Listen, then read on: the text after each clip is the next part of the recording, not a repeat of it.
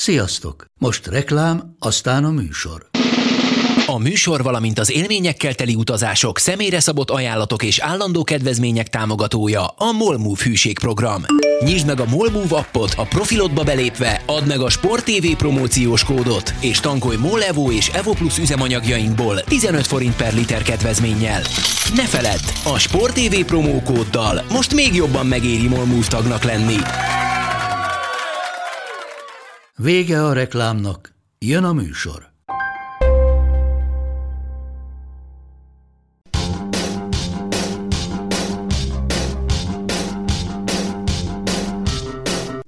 Sziasztok, ez itt a Karanténkaszt 74. adása. Majd az évfordulós dologgal jövök később, előtte inkább bemutatok mindenkit, hogy csupa a virágzó arc van, kivéve Fülöp Marci, aki mindjárt elalszik. Szia Marci, szia Attila, szia Ádám, szia Máté. Marci mit csinált? Sziasztok! Marci teljesen letargiában van, de ezt majd egy kicsit később elmesélni. Mély depresszióban vagyok, de majd elmesélem. Jól vagytok? Milyen volt a hétvége? Jó. Jó? Az mindig jó. Nem, majd a hétvégi dolgaitokról úgyis beszélgetünk majd még egy csomót. Attila volt az egyetlen, aki nem dolgozott a hétvégén, nem lógott. Te mit csináltál? Meg lehet közelíteni innen is a kérdést, hogy lógtam.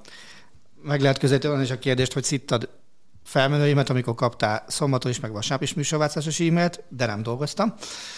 Jobban szeretem, amikor a... Pa- pont. Igen, Érzékeny jobban- pontra tapintottál. Jobban szeretem, amikor a Patrik küldi egyébként, mert hát múlt héten a Final Four után ugye elkészült a gifa, hogy Attila a pártkongresszuson tapsol, és ha a Patrik küldi ki a műsorváltozást, akkor én már csak ebben a giffel válaszolok. Egyszer kiküldött valamikor reggel, az valami Colorado meccs után éppen próbáltam aludni reggel, és ezért nem válaszoltam azonnal, csak órákkal később. Iszonyatos lebaszást kaptam, hogy ma nagyon vártam, hogy bocs, aludtam. Máté, neked milyen volt a hétvégén? Jó, tartalmas, izgalmas, készülődök mindenféle dologra. és voltam biciklizni kétszer. Éljen, éljen. Majd bicikliről majd még beszélgetünk. Na, Igen. Na, az évfordulós dolog pedig nem más, mint 1989-ben ezen a napon rendeztek először olyan baseball meccset, amelyik nyitott stadionban kezdődött, majd utána bezárták a tetejét, ez a torontói Sky Dome, ahol a Blue Jays 4-2-re megverte a Brewers-t. Irgalmatlan jól néz ki az a stadion, nem tudom, láttátok-e? Uh-huh. Kicsit az a hatása van, mint a Sydney Opera háznak, és közben egy ilyen félkör le tud zárulni, ami viszonyú jól néz ki. Voltatok olyan stadionban, aminek zárható a teteje? Vagy valami nagyon extrém dolog van? Igen. És olyan, hogy éppen bezárják? Igen. azt én arról nem maradtam. Én nézegettem, hogy én a Varsói Európa Liga döntőn voltam 14-ben. Húha, nem ma volt. Na mindegy. Szóval a lényeg, hogy ott, ott folyamatosan nézegettük, mert az edzés, az edzés napon például be volt húzva a tető, és akkor, hogyha akkor bezárták volna, akkor az lett volna az első európai kupa döntő, amit eh, zárt tető alatt rendeznek, de aztán nem zárták be a meccs napjára. Melyik stadion az a Németországban, aminek ilyen nagyon furán zárul a, ez, az Abba- irgalmatlan és én néz abba ki voltam. felülről. És bezárták éppen akkor? Nem, én, én Amsterdamban voltam olyan, amikor bezárták. Tehát a Sálké, Sálkéban voltam egyszer egy boxgála után, erdeiek boxoltak, és a Dámosi akkor még a madárnak voltam egy, és megkezdte, hogy figyelj, nagyon sietsz haza? Nem. Hát, mert Gelsenkirchenben lenne egy szombati program még így a gála előtt, hogy átmennénk, és öt perccel a vége előtt kéne eljönni, csak hát, mondom, akkor menjünk. Nem mondom azt, hogy nem féltem a kocsiba olykor, az oda, főleg a visszaúton, mert sietni kellett. Autobán?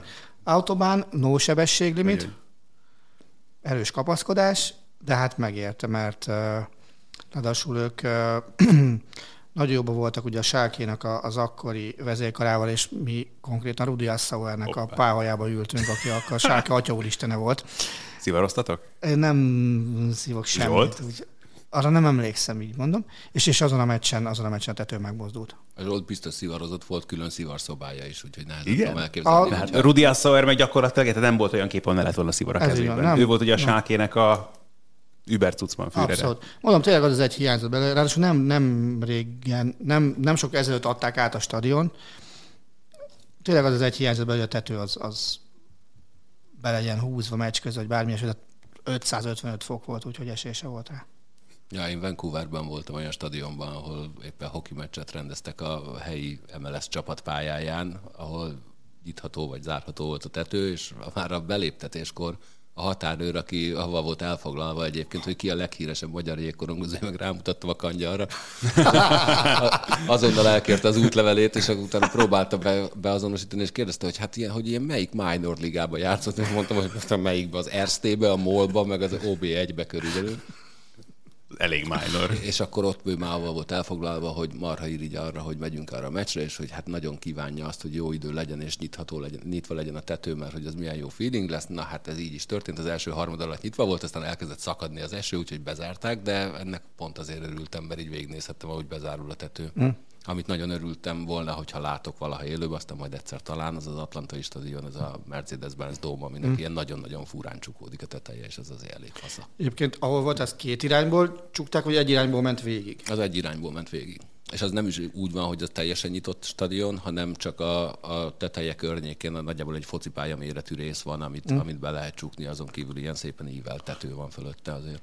Mert például van olyan, van olyan csapat, amelyik meg azt mondja, hogy ő azért, hogy a fű állagát minél jobban védje, azért nem, szándékosan nem tette behúzhatóvá a stadionját. Tehát például a, a Müncheni stadion, az Allianz Arena, annak elvileg az volt a terve, hogy, hogy Pillanat, legyen. bocsánat, Attila, légy szíves.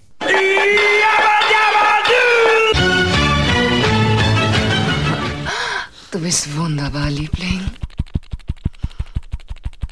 ez az, amit úgy terveztem, hogy ma nem megy le, de hát csak nem bírja ki. Egyszer sem mondtam ki, egyszer sem mondtam ki a csapat nevét, bocs. Direkt figyeltem rá, hogy ne bírd eljátszani, elég, de te... Elég, ha utalsz rá. Láttam a szemed csillogását azonnal, hogy ott már valami a nadrágban is történik, akármi, akkor biztos a Bayernre gondol. Szóval, de aztán azt mondták a vezetők, konzultálva mindenféle ilyen kertészmérnökökkel, meg hogy, hogy jobb, hogyha természetes fényt kap sokkal többet, és ez miatt nem lett behúzható a teteje. Mi nem csinálták meg azt, amit szinte valamelyik némes stadionban csinálják, kihúzható a gyepszőnyeg. Itt is be lehet tolni a izéle. Ja, az is valami egészen elképesztő. Borzalmasan szeretem az ilyen stadionépítéseket, mert mm. egyszer Csikágóban láttam, végig, végig tudtuk nézni azt, miközben a Cornéllal a lelátón interjúztunk, amikor átalakítják a kosárlabdapályát, és mm. elkezdik kipakolni a palánkot, mert hogy holnap már hoki meccs van. Nem azon gondolkoztam közben, hogy tehát ugye ez volt az a meccs, ugye Torontóban, amikor behúzták a meccs közben. Igen. A ami... meccs, az Astrodómon gondolkoztam, de ez rájött, hogy ez meg ugye eleve egy fedett építmény, tehát azt nem lehet kinyitni. Igen, ez, ez, ez volt az első baseball meccs, ami szabadtéren indult, és végül belül fejeződött. Be. Az angol, aki dombra ment fel, és egyről jött le. Nagyon szép. Ó, de szép gondolat. Kulturális ajánlód megvan. Így, így. Hát, jó. Lépjünk tovább. Nagyon sok érdekes dolog történt a kézilabdában a múlt héten. Egy helyesbítés. Érkezett egy komment a múlt heti podcast után, hogy ugye azt mondtam, hogy Henry Reistad nem szerepel a következő szezonban a, a BL-ben, de a Dánok azt fogják csinálni, ha minden igaz, hogy a, az alapszakasz győztesének kérnek BL szabadkártyát, és akkor viszont játszik a BL-ben.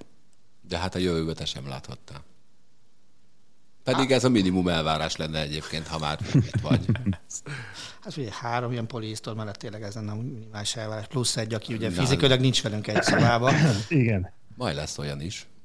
Mondjuk akkor majd meg kell szerezni mikrofonokat. De mibe dugod be? Igen, ezt akarom néz, néz, nézem a roadcast Bemenetet csak, is, ne csak mikrofon. Igen. Azon csak négy bemenet van. Majd szerzünk osztót, vagy, vagy majd osztozol a Mátéval a mikrofonot. Összebújtok. Jó lesz. Na, megint kezdi. Csinálunk új főcímet. Ugye, jön a férfi Final Four. no, bajnok a Szeged. Mekkora meglepetés volt ez nektek? Én nem lepődtem meg az elmúlt pár hét után. Tehát nekem a, nekem a Veszprém és a Szeged összevetésben most, az elmúlt egy-két hónapban sokkal inkább a Szeged volt elől. Nem, nem feltétlen a, a csapat, nem tudom, erősségében, de a, a morál, tehát a Veszprémet szerintem azt nagyon megnyomta ez a BL kiesés. Ott helyben is látszott a játékosokon is, a Davison is, a szurkolókon is, hogy, hogy nagyon len vannak mentálisan, és szerintem ők abból nem is álltak föl. A, a Szeged pedig sokkal hamarabb kiesett a BL-ből, sokkal kevésbé volt ez meglepő, szerintem ők sokkal kevésbé voltak csalódottak, és, és több idejük volt fölállni. És szerintem most a két csapat közül az egyik fölfele megy, a másik meg lefele megy. Tehát legalábbis most úgy tűnik, aztán ez nyilván változhat, de ahogy a keret alakul Szegeden, és a, amik most történtek Veszprémben, most egy kicsit úgy tűnik, hogy, hogy a Szeged halad jobb úton, és a döntőben pedig két meccsen szerintem mind a két Tehát a két meccsből mind a kétszer jobb volt a Szeged. Tehát nem lehet azt mondani, hogy nem megérdemelten nyertek volna, sőt. Úgyhogy... Ne, nekem az volt a fura egyébként a, a Szegedben, hogy néztem most a hétvégi meccset is, és hogy, hogy azok a játékosok játszottak szenzációsan, akik, vagy sokan azok közül, akiknek ez már így a szegedi pályafutásuknak a vége. És, és ez is egy, egy, egy ilyen nagyon nagy dolog, hogy szerintem ők is nagyon dolgoztak azért, hogy, hogy a szegedi e, időszakuk az, az szépen zárodjon, és egyébként Zsitnyikov is óriási gólokat lőtt, Kanyájász is óriási gólokat lőtt, tehát azt gondolom, hogy, hogy, hogy a Szegednél valahogy ez a, tehát ugye nekik borzasztóan kezdődött az egész szezon a koronavírus miatt, és, és valahogy, valahogy náluk így szezon végére állt össze minden, míg, míg a Szegednél, vagy a Veszprémnél ugye ez így hullám, hullámjaiban érkezett az elején a, a koronavírus, és, és tényleg a, meg, meg, meg szerintem is megborította a csapatot egy kicsit a, a decemberi Final Four, és ez nagyon érződött így a, így a szezon második felében. Kim el a port? Már elkezdték. Már tudjuk most már, így 5 perccel nem, ezelőtt azért, óta. Igen, azért nem mertem megkérdezni, mert nem tudtam, hogy az megint valami belsős információ, vagy ez egy hivatalos bejelentés. hivatalosan közzétette, hogy... A Veszprém edzője mostantól kezdve nem David Davis. Így van. Aki egyébként teszem hozzá bajnokként vonul majd vissza, mert a majdnem azt mondtam, hogy a karantén kazba, de a harmadik félidőben a dobófalnál ő szerezte ebben a szezonban a legtöbb pontot, gratulálunk hozzá. Itt megáll? Nem, szerintem azt, azt gondolom, hogy itt, itt nem fognak most megállni, ez túl, túl nagy sok, ami, ami volt Veszprémben. Nem tudom, hogy meddig fognak elmenni, de nyilván felül kell vizsgálni azt a keretet, ami együtt marad gyakorlatilag ebben az összetételben, csak egy évvel öregebb lesz mindenki, ami amúgy sem tartozott Európa legfiatalabb keretei közé. Ahhoz képest a, még az is lesz egy baromi nagy feladat az új edzőnek, hogy, hogy ezeknek a játékosoknak kell figurákat kitalálni. Tehát borzasztó érzés volt a Nant meccset látni sokszor, amikor a Nantnak nagyon sok szituációra volt válaszlépése figurából. A Veszprémnek meg az volt a válaszlépés, hogy kitalál valamit is, vagy nem. És, és ezért ez rossz volt látni. Tehát az, hogy a, a Veszprém védelme, ami két évvel ezelőtt Európa legjobb védelme volt még, még Terzicsel, gyakorlatilag átjáróház volt, és most a Szeged elleni döntőn is, nem is tudom, mennyit, 36 vagy 37 gólt kaptak. Nem valahogy úgy. Szombaton. Borzasztóan sok. Van négy világklasszis szélsőd, akire, vagy hát három inkább, mert az egyik oldalon a Siskári volt, olyan sokat nem lehetett látni. Szülekre meg nem tudom, hogy miért nem játszott. De a szélső játék az, az szint nagyon sokszor kimerült az indításokban. Szóval szerintem itt, itt most nagyon sok mindent új alapokra kell helyezni, és, és, és, és, és talán azt mondani, hogy három éven belül akarjuk egyszer megnyerni a bélet, nem jövőre. Lehet, hogy ez egy szerencsésebb konstelláció így mondani. Meddig mennél el a takarításban, ami egyébként nekem két héttel ezelőtt jutott eszembe, hogy mit kéne csinálni a Toronto Maple Leafsnek, amely, amely azért nagyon-nagyon régóta szeretne már bármit, most már egyelőre szerintem bajnoki címként ünnepelnének egy olyat is, hogy az első körből tovább mennek. És ott is az látszik, hogy nem feltétlenül a játékosokkal van baj, bár erősen túl vannak fizetve, ami viszont meg már nem az ő hibájuk de hogy lecseréled az edzőt, oké. Okay. De egy csomószor már ott az általános igazgató, vagy akár a legmagasabb vezetőség szintjén is lehet, hogy változásokat kellene eszközölni ahhoz, hogy megtörténjen az a változás, amire szüksége van a csapatnak. Én elsőre, amit... Nem akarok kirúgatni senkit Veszprémből egyébként. Nem is azt akarom mondani. Csak... Amit én elsőre mondanék, az a türelem. Tehát, hogy, hogy azt, azt mindenkinek megtanítani, hogy basszus, mondjuk azt, hogy legyen egy három éves projektünk, teszem azt, de akár öt. És, és az, azon haladjunk végig, és ne legyen az, hogy az első akadálynál, amiben mondjuk elbotlunk, fennakadunk, bármi ilyesmi, azonnal hújjanak fejek. Ez látszik most Szegeden egyébként szerintem kialakulni. Nem egészen erről van szó, de mindegy. Szegeden évek óta tart ez az egész projekt, tehát nincs minek kialakulni, ott ez egy folyamat volt. Tehát az, az tök más. Azt, azt szerintem most ne keverjük ide bele, mert, mert abban baj lesz. Szóval, hát jó. És, és a másik az, ami nekem például Kielcébe baromira tetszik, hogy ott most hét, pont hétvégén vázoltak föl egy öt éves tervet körülbelül. Sőt, van, akinek 7 éves az az 5 éves terv. Tehát az, hogy 2028-ig hosszabbítanak játékossal, vezetőedzővel, 2021-ben, azt szerintem valami elképesztő dolog. És, és nem veled, Galuska, vagy, vagy, vagy velem. Mert azt értenéd Mert nyilvánvalóan. azt érteném nyilvánvalóan, mert boldogan aláírná bármit, hogyha, hogyha egy ilyen szintű csapat egyszer. De aláír az edző 28-ig, aláír az egyik Dusebájev gyerek 26-ig, a másik 25-ig, eh, aláír Wolf meg Turná azt hiszem 28-ig. 7 év. Na jó, Isz- de hát iszonyatos. Ez, ezek azok a hosszú szerződések, amiket érdemes felülvizsgálni három-négy év után. amikor- Kézilabdában nagyon-nagyon ritka a kivásárlási rész. Tehát az, hogy, az, hogy valaki kivásárolja valamit, akkor szóresznak kell lennie, hogy, hogy azt nem tudod megvalósítani. Tehát nyilván hallani egy-egy kivásárlásra, ugye ilyen helyzetben volt a Veszprém, mikor Nenadicsot meg kellett venni a, szóval a Füchse Berlintől talán. Füchse Berlin, igen. Vagy, vagy most a Veszprém, amikor kényszerpályára került uh, szélen, és meg kellett venni a Bloncot Svédországból. De, de a kézilabdában nagyon-nagyon ritka az, hogy te fizetsz játékosért. És ugye most a Veszprém annyiból is kényszerpályára kerülhet, hogyha úgy dönt, hogy keretet alakít, hogy nagyon-nagyon kevés olyan szabad, minőségi játékos van erre a nyárra, akit azonnal ugye tudna hozni.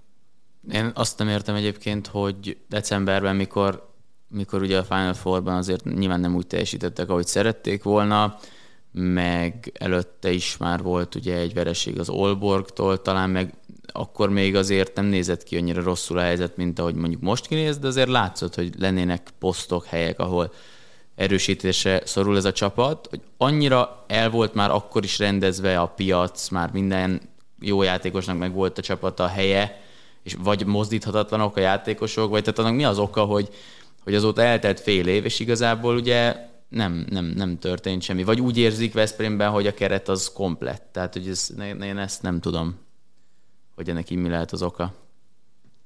Mondjuk azt tényleg azért nem felejtsük el, hogy elméleteg Lauge vissza fog térni a következő szezonban, tehát ő, ő azért valamilyen szinten erősítés lesz így a, a mostani keretből, de tényleg itt az a, az a nehéz egyébként, hogy van egy edző, akinek van egy játékos kerete, akire kialakítja a taktikát, és akkor most elmegy Davis, itt vannak a, a meglévő játékosok, nincsen bejelentve új igazolás, nincsenek nincs olyan opció, hogy most akkor hirtelen tudnak szerezni valakit, mert tényleg, ahogy mondtátok, a piac az, az azért nem, nem halad ilyen egyszerűen, és akkor jön egy új edző, aki kézbe vesz egy csapatot, nem tudja úgymond elsőre a sajátjára formálni, tehát a következő szezonnak ez, egy, ez is egy ilyen, egy ilyen nagyon, nagyon nehéz szituációja lesz, míg Ugye Szegeden most azért talán már két nyára is jelentettek beérkezőket. Ugye Szita... Igen. Az 22, igen.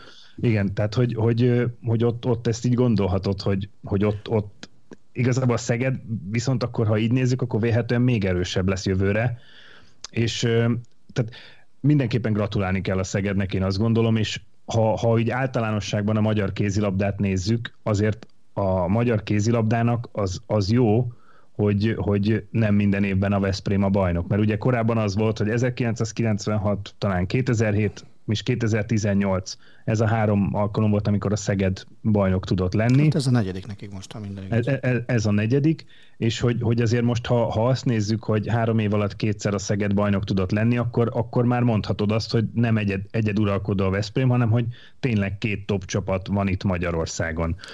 És és ugye korábban volt egy, egy Dunaferes időszak, amikor, amikor még a Dunafer fel tudott ehhez a két csapathoz nőni, sőt bajnok is volt, és, és ugye a magyar kézilabdának viszont az, a, az az érdeke, meg az a jó, hogyha ha tényleg ilyen éles a, a bajnokság, hogy a Veszprém nyerte most a kupát, a Szeged a bajnokságot, tehát hogy tényleg kiki meccseket játszanak, és nincs előre lefutva az, hogy a végén, végén ki lesz majd a bajnok, úgyhogy ha így nézzük, akkor ez a, ez a magyar kézabdának jó, és amit én mindenképpen szerettem volna mondani, hogy biztos emlékeztek, hogy korábban volt az a forgatásunk, amikor elmentünk a, a magyar kézabda csapatok szurkolóihoz, és akkor én találkoztam Gyurákovics Istvánnal, aki a Veszprémi szurkoló tábor vezetője, és azt Csapó Attila, aki pedig a szegedi szurkolóknál a, a főszurkoló.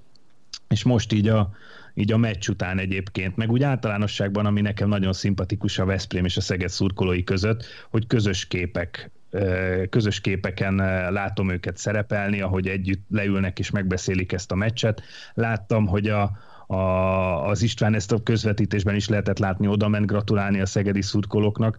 Tehát egyébként amit én mindenképpen el szeretnék mondani a magyar kézilabdával kapcsolatban, hogy ez egy, ez egy nagyon jó közeg, ami, amiben nagyon jó játékosok vannak, akár magyarok, akár idegenlégiósok, és hogy a szurkolók is, is itt vannak körülöttünk, mert szerintem ez példamutató, hogy a két úgymond ősi ellenség, most lehet ilyen sarkosan fogalmazni, is tud egymásnak gratulálni egy ilyen siker után, úgyhogy szerintem ez egy követendő példa minden sportágban. Ami, ami szerintem ennél sokkal követendő példa lenne, és az megint visszamennék a Nant meccsre. Amikor Enteliosnak volt arra reagálása, hogy volt hát a 10 másodperc, vagy 20 az első fél időből, elmondta a figurát, megjátszották a figurát. És be is lőtték, ugye a Pecsmár beklőtte beállóból a gólt. Ilyen, ilyen az, ami szerintem ebben a szezonban a Veszprémben kevés volt. Tehát sokkal kevesebb, mint amit ebből a keretből ki lehetne hozni, de, de nem én vagyok ott minden nap. Tehát nagyon nehéz kívülállóként mondani, csak azt látom, hogy akár a csarnokba, akár tévén keresztül látok, hogy, hogy nekem ez volt kevés, hogy nem voltak húzások, hanem ötletek voltak.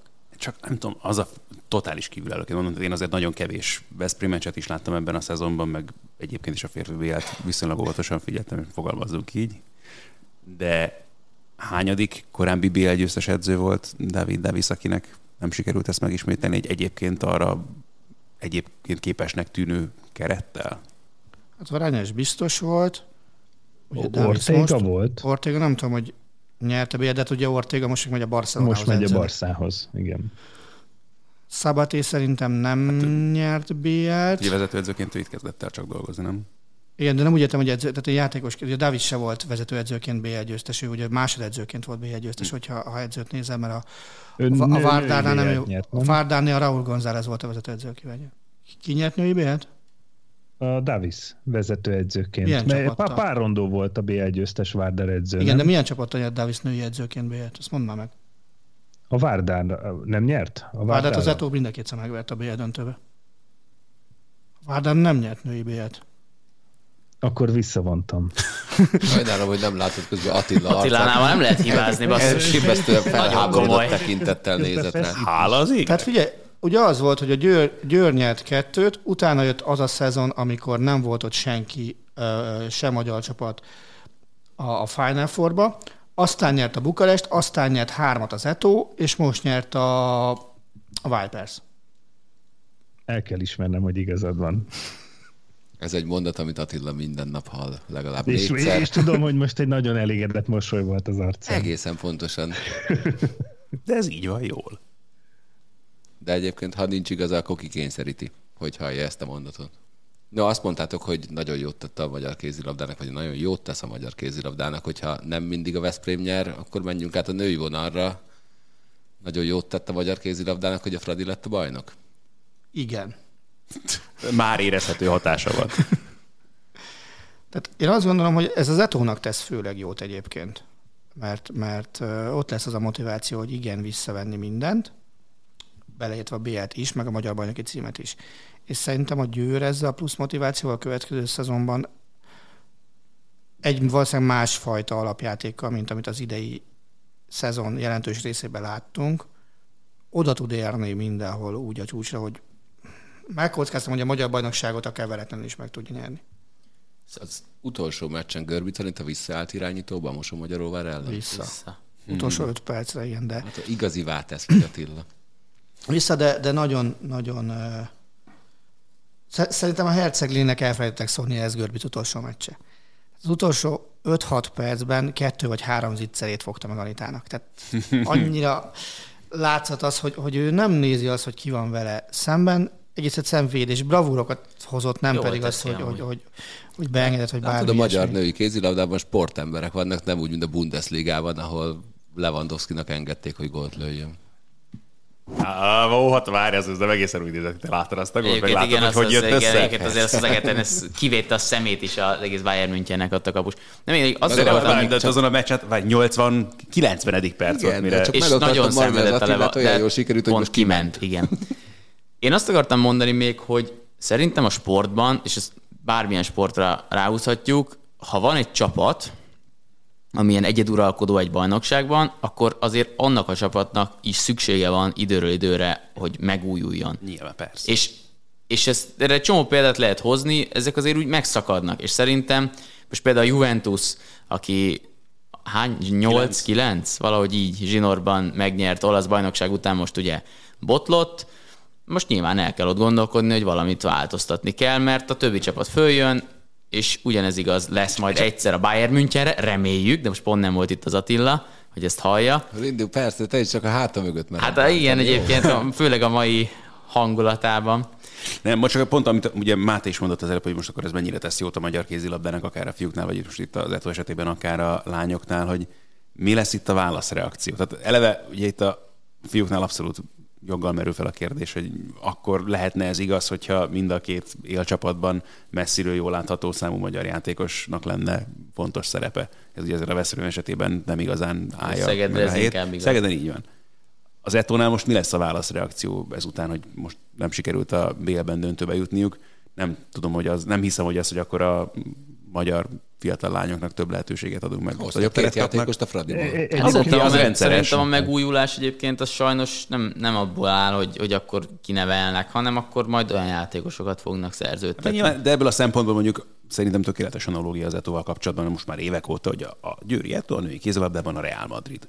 Tehát, hogy ott az a csapat, amelyikben tényleg galaktikus játékosok jönnek kis túlzásra folyamatosan, és a, abszolút a női kézilabda elitje. Ez is jót tesz. Nyilván olyan magyar játékosnak, akik velük együtt edzenek, meg készülnek, meg látják, hogy hogy dolgoznak, meg mire képesek, de egy összességében nem vagyok benne biztos, hogy ez a magyar játékosok számára a legelőrébb vezető út. Hát biztos, hogy nem. De egyébként szerintem a Győri a női kézilabdában sokkal inkább fölötte helyezkedik el a mezőnynek, mint a Real Azt Madrid. a Real Madridnak. Nem, nem, mint a Real Madrid az európai Nem is az futballban. aktuális, bocsánat, tehát nyilván nem arra gondolod, hogy most jelen pillanatban mi a Real Madrid, hanem hogyha azt nézed, hogy melyik az a klub, amelyiknek az volt a filozófiája hosszú évtizedek Aha. óta, hogy begyűjtjük a Ja, leg, leg, leg, leg, leg játékosokat, és szanaszét csapunk mindenkit. Igen. Mondjuk ez nyilván ezeket az anyagi feltételeket meg kell teremteni, az megvan, és onnantól kezdve. Abszolút. Ha Attila visszatalál egyszer, akkor majd visszatérnék Görbicanit a búcsújára, hogy mennyire indította meg, de ki tudja, hogy mit, mikor tér vissza, úgyhogy... Lehet, hogy ez indította most ki innen, nem? Így, úgyhogy, igen, úgyhogy nem várom meg. Úgyhogy beszéljünk másik. Amikor írtam az adástervet, akkor még egy búcsúzóról volt szó, most így hirtelen ma hajnalra ebből kettő lett. Máté, mennyire gondolod sorsfordítónak, vagy, vagy egy ilyen történelem megváltoztatónak azt, hogy LeBron James kiesik az első körben? Fú. Mennyire üti Ez- meg a karrierjét annak a fickónak, akinél ugye rendszeres volt a vita, hogy most akkor ő Michael Jordan szint, vagy sem, és akkor utána mindig jöttél a hatból hattal, és most... nem, nem, és, nem és a, én, én, voltam az, aki, aki egyébként azt gondolom, hogy, hogy nem tudsz ilyen analógiát tenni a 6-ból 6 és a, és a LeBron James arányai között. Mert ugye a LeBron Jamesnél meg ott van az, hogy hányszor jutott el a döntőig. tudod, És- hogy mindenből és- tudunk és- analógiát kreálni, ha kell, de, De- mennyire látod e- ezt már egy ilyen, hát előrevetített gyászos pályafutás végnek? Ez ami, Én nyilván túlzás volt, hogy provokáljalak. Igen, sejtem, hogy erről van szó. Én azt gondolom, hogy a, az egy nagyon érdekes dolog, hogy a tavalyi konferencia döntős négy NBA csapatból három kiesett az első körben. A negyedik csapat a Denver Nuggets, aki még bent van, viszont az egyik legjobb játékosuknak elszakadt a keresztszalagja a szezon során. És az én magánvéleményem ezzel az egésszel kapcsolatban az, hogy elképesztő módon kijött az, amit én nem hittem el, hogy ki fog jönni, hogy elképesztő módon kijött az, hogy, hogy ezek a játékosok tényleg nem tudtak most egy egész nyarat végig pihenni két szezon között. És ez, ez azt jelentette, hogy akik ott voltak a finishben a buborékban, azok pár hetet pihentek. És ugye a Lakersnél sérülések, a Boston Celticsnél végül sérülések, és formahanyatlás is volt, a Miami Heat is teljes formahanyat, tehát nagyon rossz formában játszott a végig az egész szezont. A Denvert az menti meg, hogy Nikola Jokic lehet, hogy nem úgy néz ki, de mégis egy szupermen, tehát, hogy ő, ő neki tulajdonképpen mindegy, hogy, hogy mennyit pihen, és ő ezzel még viccelődött is korábban, amikor azt mondták neki, hogy nagyon husi, hogy az volt valami meccs, amikor 50 nem tudom hány percet játszott, és mondta, hogy ő egyáltalán nem fáradt el. Tehát azt hiszi, hogy nincsenek kondicionális problémái. De mindegy, tehát a lényeg az, hogy a, a Jokic tényleg egy, egy, egy zseni, és ő tartja életben a Denvert, illetve az, hogy egyébként a tartalékban vannak fiatal, feltörekvő játékosai, akik most úgy néz ki, hogy be tudtak valamilyen szinten ugrani Jamal Murray helyett. Tehát én, én azt gondolom, hogy ebből a, ebből a szempontból ez a szezon egy ilyen nagyon, nagyon sajátos történet, és nem vagyok benne biztos, hogy, hogy messze menő következtetés, következtetéseket vonnék le abból, hogy Anthony Davis sérülésével tényleg egy sokkal gyengébb Lakers kiesett egy egyébként borzasztóan jó Phoenix Suns ellen és nem gondolom azt, hogy ez a LeBron James karrierjének most egy ilyen hirtelen hanyatlásához vezet majd, mert ugye már elméletileg öt éve beszélünk arról, hogy hú, hát a LeBron James már mennyi idős, most már majd elkezd öregedni, vagy valami rosszabb, vagy rosszabbul fog játszani. De biztos Én... TB12 diétát csinál ő is. Igen. De igen. egyébként tehát abszolút igaz, amit mondasz, mert ugye Anthony Davis azért érkezett oda, hogy levegye róla a terhet, csak hát aztán megsérült, és nem volt, aki levegye róla a terhet, és nyilván és, most, és most már is az, megsérült. Hogy, igen, és, az, és, hogy most... és ezért húztak hátra. Tehát, hogy ez, az egész, ez a szezon nekik pont ebből kifolyólag volt, hogy tehát alapból hetedik helyről játszottak a rájátszásban egy címvédő, aki keret, ha, ha csak a keret erősségét néznéd úgy papíron meg, most ott van az első tudom, háromban legalább, sőt, első, mindegy, tehát, tehát azért LeBron James és Anthony Davis egy, egy önálló kategória így az NBA-ben is. De hogy a, de elfejtettem, hogy mit akartam most mondani hirtelen. Davis meg a teherátvétel. Igen, a teherátvétel, és hogy, hogy azt mondtad, hogy igen, LeBron 36 éves, és mégis 36 évesen szenzációsan játszott, és, és én sose, lát, sose tudom előre megjósolni, hogy akkor most 37 évesen hirtelen rosszabb lesz-e, mint amilyen 36 évesen volt. Tehát azért azért nem fogok mérget venni arra, hogy, hogy, hogy sokkal rosszabb lesz a Lakers jövőre, mint amilyen idén lehetett volna. Azért azon is szerintem érdemes eltöprengeni, mondjuk mennyire kell rappelinket nyakába varni ezt az egészet. Ahogyan ez a Lakers keret összeállt, vagy nem állt össze, meg ahogyan még próbálták ezt itt, nem tudom, hegezgetni a szezon folyamán. Szóval azért elég radikális változások történtek itt az előző szezonhoz képest. Igen, és, és egyébként minden új ember tulajdonképpen besült náluk, aki, aki azért jött, hogy pótolja azokat a srácokat, akik a buborékban jók voltak, tehát Dennis Schröder besült, Drummond nem működött, Herel alig játszik, tehát az, azok a úgymond Na, nagy ez nevek. Is, tehát, Herel, tehát eleve ugye hoztak két centert, ugye Márgászor is azért nevezhetjük felső kategóriásnak, Igen. sőt, még hogyha ő sem a legfiatalabb feltétlenül. Ott volt egy ilyen centerpáros, és akkor melléjük, mögéjük, helyettük, eléjük behúzzák még André Drummondot, ért is, főleg úgy, hogy ezt talán havas is emlékszünk, hogy a rájátszásban rengeteg olyan pillanat volt, amikor Fogel egyik centerét sem játszott, hanem betette Anthony Davis tötösbe. Igen. És, és tehát senki nem tudott Davis helyére lépni. És, és, és egyébként megvoltak, igen, ezek a, ez, ez egy picit ilyen értetlen dolog, hogy nyilván lehet úgy vagy vele, hogy oké, okay, legyen nálam Dramont, hogy ne húzza be más, és, és ne ő erősítsen ezzel, lehet, hogy egy ilyen volt bennük, hogy mi van, ha a rájátszásban összeakadunk a clippers ő behu, ők behúzzák Drummondot, és akkor ők, ő fog majd ellenünk védekezni. Nem tudom, hogy mi, mi volt az indítatás. Én sem éreztem azt, hogy egyébként olyan hatalmas szüksége lett volna akkor Drummondra a Lakersnek, és igazából a rájátszásban ez ki is derült, hogy nem is tudták őt úgy használni. használni. Tehát egyébként Drummond az a játékos klasszikus értelemben, aki, aki ha 20 évvel ezelőtt, vagy 10 pár évvel ezelőtt lett volna NBA játékos, akkor egy szupersztár lett volna, és, és szegény pont ebben a korszakban lett az NBA játékos, amikor még megkötötte a nagy szerződését, de, de soha nem lesz eléggé megbecsülve az a tudás, amit ő tud, mert ma már arra nincs akkora szükség, mint 15-20 évvel ezelőtt. No, egy idősödő LeBron James-el, LeBron, LeBron James heavy Lakers kiesett, és ma hajnalban, vagy ma éjjel, már én már nem tudom, hogy mikor van hajnal meg éjjel, kiesett egy nagyon fiatal játékos heavy Dallas is. Az még éjfél, éjfél környékén volt. Igen, jó kis meccs volt. Azt mennyire látjátok, hogy, hogy ennyire fiatalon mennyire kell tudnia cipelnie egy ekkora terhet egy játékosnak, mint amilyen Luka Doncic, hogy, hogy tulajdonképpen egyedül kell vinnie egy csapatot, mert reggel láttam egy statisztikát, és azt láttam róla, hogy, hogy azért ebben a párharcban ő nagyon-nagyon hamar elfárad. ami mondjuk egyébként, a, amikor a negyedik negyedes fáradtságát nézem, akkor mondjuk az én legjobb állapotom az még mindig sehol nincs. De a statisztika arról szólt, hogy lebontották az egész párharc alatt negyedekre a szerzett pontot, a dobó százalékot és a, az összes egyéni statisztikát, és rohamos csökkenést. Tehát a, az első negyedben mindig a legerősebb, utána a másodikban gyengébb, a harmadikban még gyengébb, és a negyedik negyedre kb. a fele annak, amit az első negyedben produkál. Tehát ennek a Mavericksnek és a Clippersnek azért a keretét, hogyha összehasonlítjuk, tehát a Clippersnek nagyon simán kellett volna hozni ezt a párharcot. Biztos van abban valami, amit mondasz, mert pláne, hogy, hogy hét meccsig elment ez a széria, de azért tehát eleve óriási dolog, hogy idáig elhúzta ezt a szériát a Mavericks, hatalmas lett volna, ha legyőzik a Clippers, és óriási égés lett volna a Clippersnek, hogyha ők ebben a párharcban nem tudnak tovább menni. Ez is már azért kicsit szerintem szégyen teljes kategória, hogy eddig fajult ez a párharc a Clippers szemszögéből, és nem jelez előre szerintem neki nagyon sok jót a folytatásra.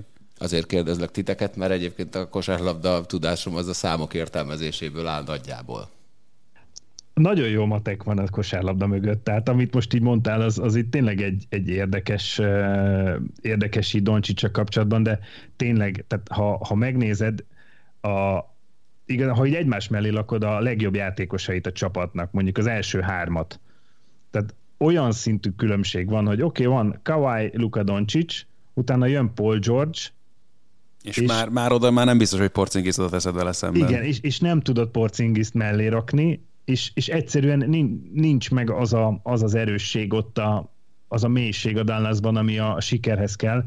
Szerintem Doncsics egy csoda. Tehát, és, és imádom azt, hogy, hogy mennyire a rájátszásban mit művel. Tehát a, az első pillanatban azt mondtam, amikor hallgattam az amerikai szakértőket, és elkezdték mondogatni, hogy még az előző szezonban, hogy hát Luka Doncsics még nem játszott a rájátszásban, tapasztalatlanul érkezik, és az első gondolatom az volt, hogy azért amikor, amikor elmész egy olimpiákhoz, meg Panathinaikos ellen játszani az Euróligában, ahol, ahol bent, bent ott van görög tüzek égnek, ott cigizik az ember, és dobolnak, és üvöltenek, és, és elképesztő hangulat van, hogy hát hát ez az a srác, akit a felelősség az egy picit sem nyom el. Viszont az a rész, amit meg Galus is pedzegetett, abban viszont nagyon nagy különbség van, hogy eleve mondjuk egy Euroliga rájátszás meg rendszer már mennyivel kevesebb mérkőzésből áll, azok a mérkőzések mennyivel rövidebbek, és ezt a részet meg viszont nem biztos, hogy össze lehet hasonlítani, mert gyakorlatilag itt egy negyeddel többet játszanak kis túlzással az NBA-ben, ugye, mint az Euróligában. Arról nem is beszél, hogy hány mérkőzéssel többet. Tehát, hogy ez a fizikai megterelés része az viszont nem összehasonlítható szerintem.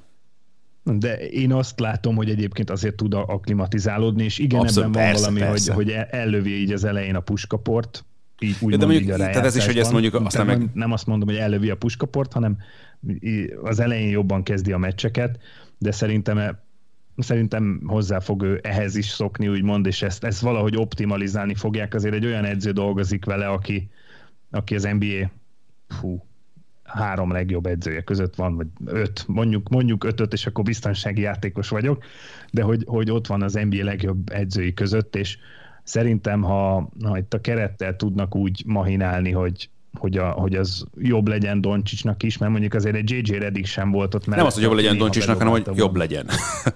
jobb legyen, Én igen. Ebből a statisztikában nem azt akartam egyébként mondani, hogy, hogy Luka Doncsics ellövi a puskaport, hanem azt, hogy ebből nekem az jön le, hogy a Dallas jelen pillanatban egy olyan csapat, hogy, hogy egy emberre van, aki, aki a hátán tudja vinni Luka őket. plusz négy, igen. Tehát, tehát össze kell, tehát hány olyan játékost kellene szerintetek mellé rakni, aki nem azt mondom, hogy ugyanazon a szinten van, mint ő, mert az, az nyilván lehetetlen egy ilyen álomcsapatot, bár pont az NBA pont erről híres, hogy ilyen álomcsapatokat ezt akarom mondani, hogy most pedig ez a tendencia, hogy legyen kettő vagy három ilyen szintű hát játékos. Csak pont ez a fájdalmas, hogy a Porcingis volt a, a terv erre, hogy ő lesz a másik majd Luka mellett, aki meg szegény nem, nem nagyon nem tudja összeszedni magát, nem tudom hányadik ja. sérülése után.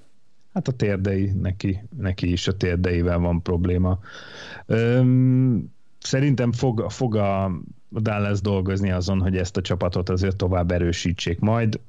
Nyilván ne, nehéz azért egy porcingiszért olyan, olyan eszetet kapni, ami, ami tovább erősít, de ugye folyam, egész szezonban arról beszéltek, hogy Porzingis vajon el fogják-e cserélni, végül maradt, úgyhogy nem tudom, hogy mi lesz a mi lesz így ebből a szempontból a folytatás, de én azt hiszem, hogy fényes jövő előtt áll mindenképpen Luka, és itt lesz még, lesz még ennél feljebb, de ami érdekes volt, a közvetítés során is beszéltek erről, talán Baskáék, hogy hogy viszont ha nem, az első körön nem tudsz túljutni évekig. Tehát, hogy ha, ha nem, nem történik meg az a tovább lépés, akkor meddig van türelme egy játékosnak, és mondjuk Doncsics mennyire csapathű, tehát, hát, hogy mennyire de, de nála azért talán még ez egy, egy korai kérdés ebből a szempontból, hogy a Lillard az izgalmasabb téma.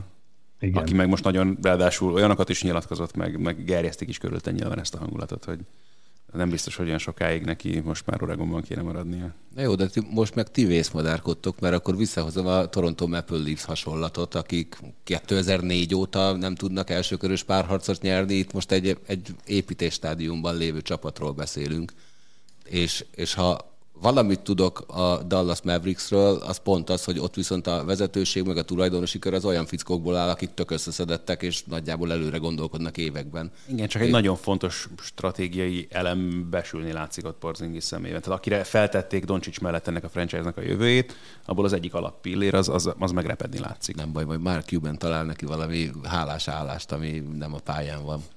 Igen, csak de... hogy húzott ki a, a bérplafon alól az ő szerződését. Megoldja, de... gazdaságilag az a fickó az nagyon okos szerintem. Én, én az mondjuk biztos. Tehát az NBA tulajdonosok közül Mark Cuban a, a, talán az egyetlen, akit, hogyha látom, hogy valahol van valami interjú, akkor az biztos, hogy nézem, olvasom, mert, mert egy elképesztően összeszedett figura. Aki egyébként így nekem így külsőre még úgy is tűnik, mintha jó ember is lenne, ami azért ilyen amerikai franchise tulajdonosok között azért viszonylag ritka. Hát pár hete volt egy olyan sztoria, hogy a Delon Tevesztet állítólag felszette egy benzinkúton és be, bevitte rehabra. Ő, ő az a játékos, akiről LeBron James anyukája történet is kering, de hogy egyébként hát Ezt a neki... sztorit még én is ismerem. Igen, és, hogy, és egyébként szerintem alkohol és drog problémái is vannak, illetve mentális, komoly mentális betegségekkel is küzd, és hogy állítólag összeszedte már Cuban, és, és elvitte egy rehabra, ami, ami már tényleg jelzi azt, hogy Delon Tevest két-három szezont játszott maximum Dallasban, tehát nem volt egy ilyen igazi tőzsgyökeres Dallasi játékos, de hogy hogy megpróbált rajta segíteni, vagy megpróbál rajta segíteni, és szerintem azért ez egy pozitívum. De, de ami nagyon érdekes volt, a hétvégén megjelent egy cikk a, a Diatletiken, hogy, hogy mi van akkor, ha Dallas jut tovább. És nyugatról ez a négy csapat lett volna a legjobb négy, hogy Phoenix, Utah, Denver és Dallas. Hogy ez, ez négy kis piac. És ugye a túloldalon van egy Milwaukee, van egy Atlanta, egy Philadelphia és egy Brooklyn. De hogy itt igazából a nyugati résznél milyen érdekes, hogy azért, azért az NBA vezetősége valószínű, hogy egy picit, picit küzdött azért, hogy, vagy nem küzdött, tehát szurkolt azért, hogy a, hogy a Clippers, hogy egy nagy piac azért mégis ott legyen, a, ott legyen majd a, a legjobb négy között nyugatról, mert igazából a cikk arról szólt, hogy kicsit Lakers vízfejű az NBA, mert hogy a, a Lakers nézik nyilván a legtöbben LeBron James miatt is, meg minden miatt, és hogy hogyan lehetne a ligát afelé terelni, hogy, hogy a kispiacok csapatai is ugyanolyan vonzóak legyenek, mint mondjuk egy Lakers meccs, és Egyébként nekem érdekes volt, mert amilyen javaslatokat tett, én pont azt éreztem, hogy egyébként az NBA erre tesz kísérletet, hogy, hogy promotálja a kispiacok csapatait és a kispiacok játékosait is, de, de akkor is az, a, az egy ilyen érdekes dolog, hogy például az NFL-ben, ha most nem tudom, hogy a jutával ki, ki egyenértékű, így piaci szempontból, de hogy ha mondjuk bejut a Denver Broncos, bejut a,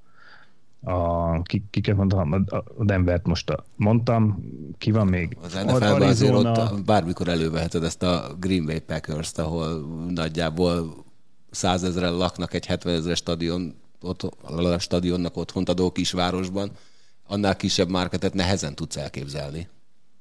De és, és hogy lehet az, hogy, hogy a nézettségen úgymond nem látszik az, hogyha nem nagy márket csapat hát játszik úgy, valami, hogy a Green, a Green Bay-nek megvan a igen, maga legendája, igen, persze. tehát legendás státuszban lévő csapat, de azért ők nagyjából a, a kezdetekben voltak ugye nagyon erősek és nagyon jók, amikor még azért ilyen tévés jogdíjakból nem volt óriás bevétel, és utána jött egy visszaesés, amikor ez nagyon sokat számított, és a 90-es évek közepén lett újra az, hogy, hogy bármennyire is kis market volt, el tudtak kezdeni fizetni olyan játékosoknak, akik amúgy nagyobb helyekre akartak menni, ahol több a sikerpénz, nők, csillogás, és aztán végül a 90-es évek közepe volt az, amikor elkezdtek újra jó játékosok menni Green Bay-be, mert rájöttek arra, hogy lehet, hogy mondjuk az utcán kevesebben ismerik fel őket, de azért, azért óriási sikereket tudnak elérni a csapatokkal.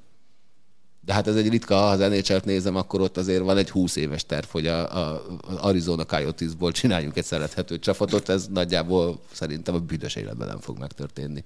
Kivéve, hogyha visszaköltöztetik őket valahova. Legyen mondjuk Quebec City. Hmm. Egészen másról akartam volna most beszélni, de a Marci most már elaludt, meg teljesen kizártuk szegényt a beszélgetésből, és hát csorognak a könnyei reggel óta, úgyhogy mondd már, mi a bánatod, aztán dobjál fel ebben kapcsolatban egy témát. Ja, először is nem zártatok ki, csak amikor ilyen... Csak elaludtál. Nem, nem, csak amikor NBA-ről van szó, akkor, akkor én nagyon messze vagyok attól a szinttől, hogy megmerjek szólalni mellettetek, úgyhogy nem tudok nagyon sokat róla, úgyhogy... Marci, ez az a műsor, ahol bármikor bármi ostobaságot Mondjuk én most nincs itt az Attila egyébként, kiment, úgyhogy ilyenkor az ember bánna. Megnyugodhatsz, igen. igen. Ú, én, nagy, én nagyon-nagyon ki vagyok. Az Ádi biztos olvasta, de lehet, hogy más is. Nem tudom, hogy ez mennyire a futball szerető emberek körül mennyire elterjedt dolog Emiliano Buendiát, aki Szerinted egyik... én mennyire vagyok ki? És így van, és azt akartam mondani, hogy sírjunk együtt, mert van egy másik nagyon-nagyon jó, ö, ö, nagyon-nagyon komoly arzenál szurkoló barátom, aki tegnap este óta, vagy nem is tegnap előtt este óta, ugyanúgy, hogy én depressziós. Na állj!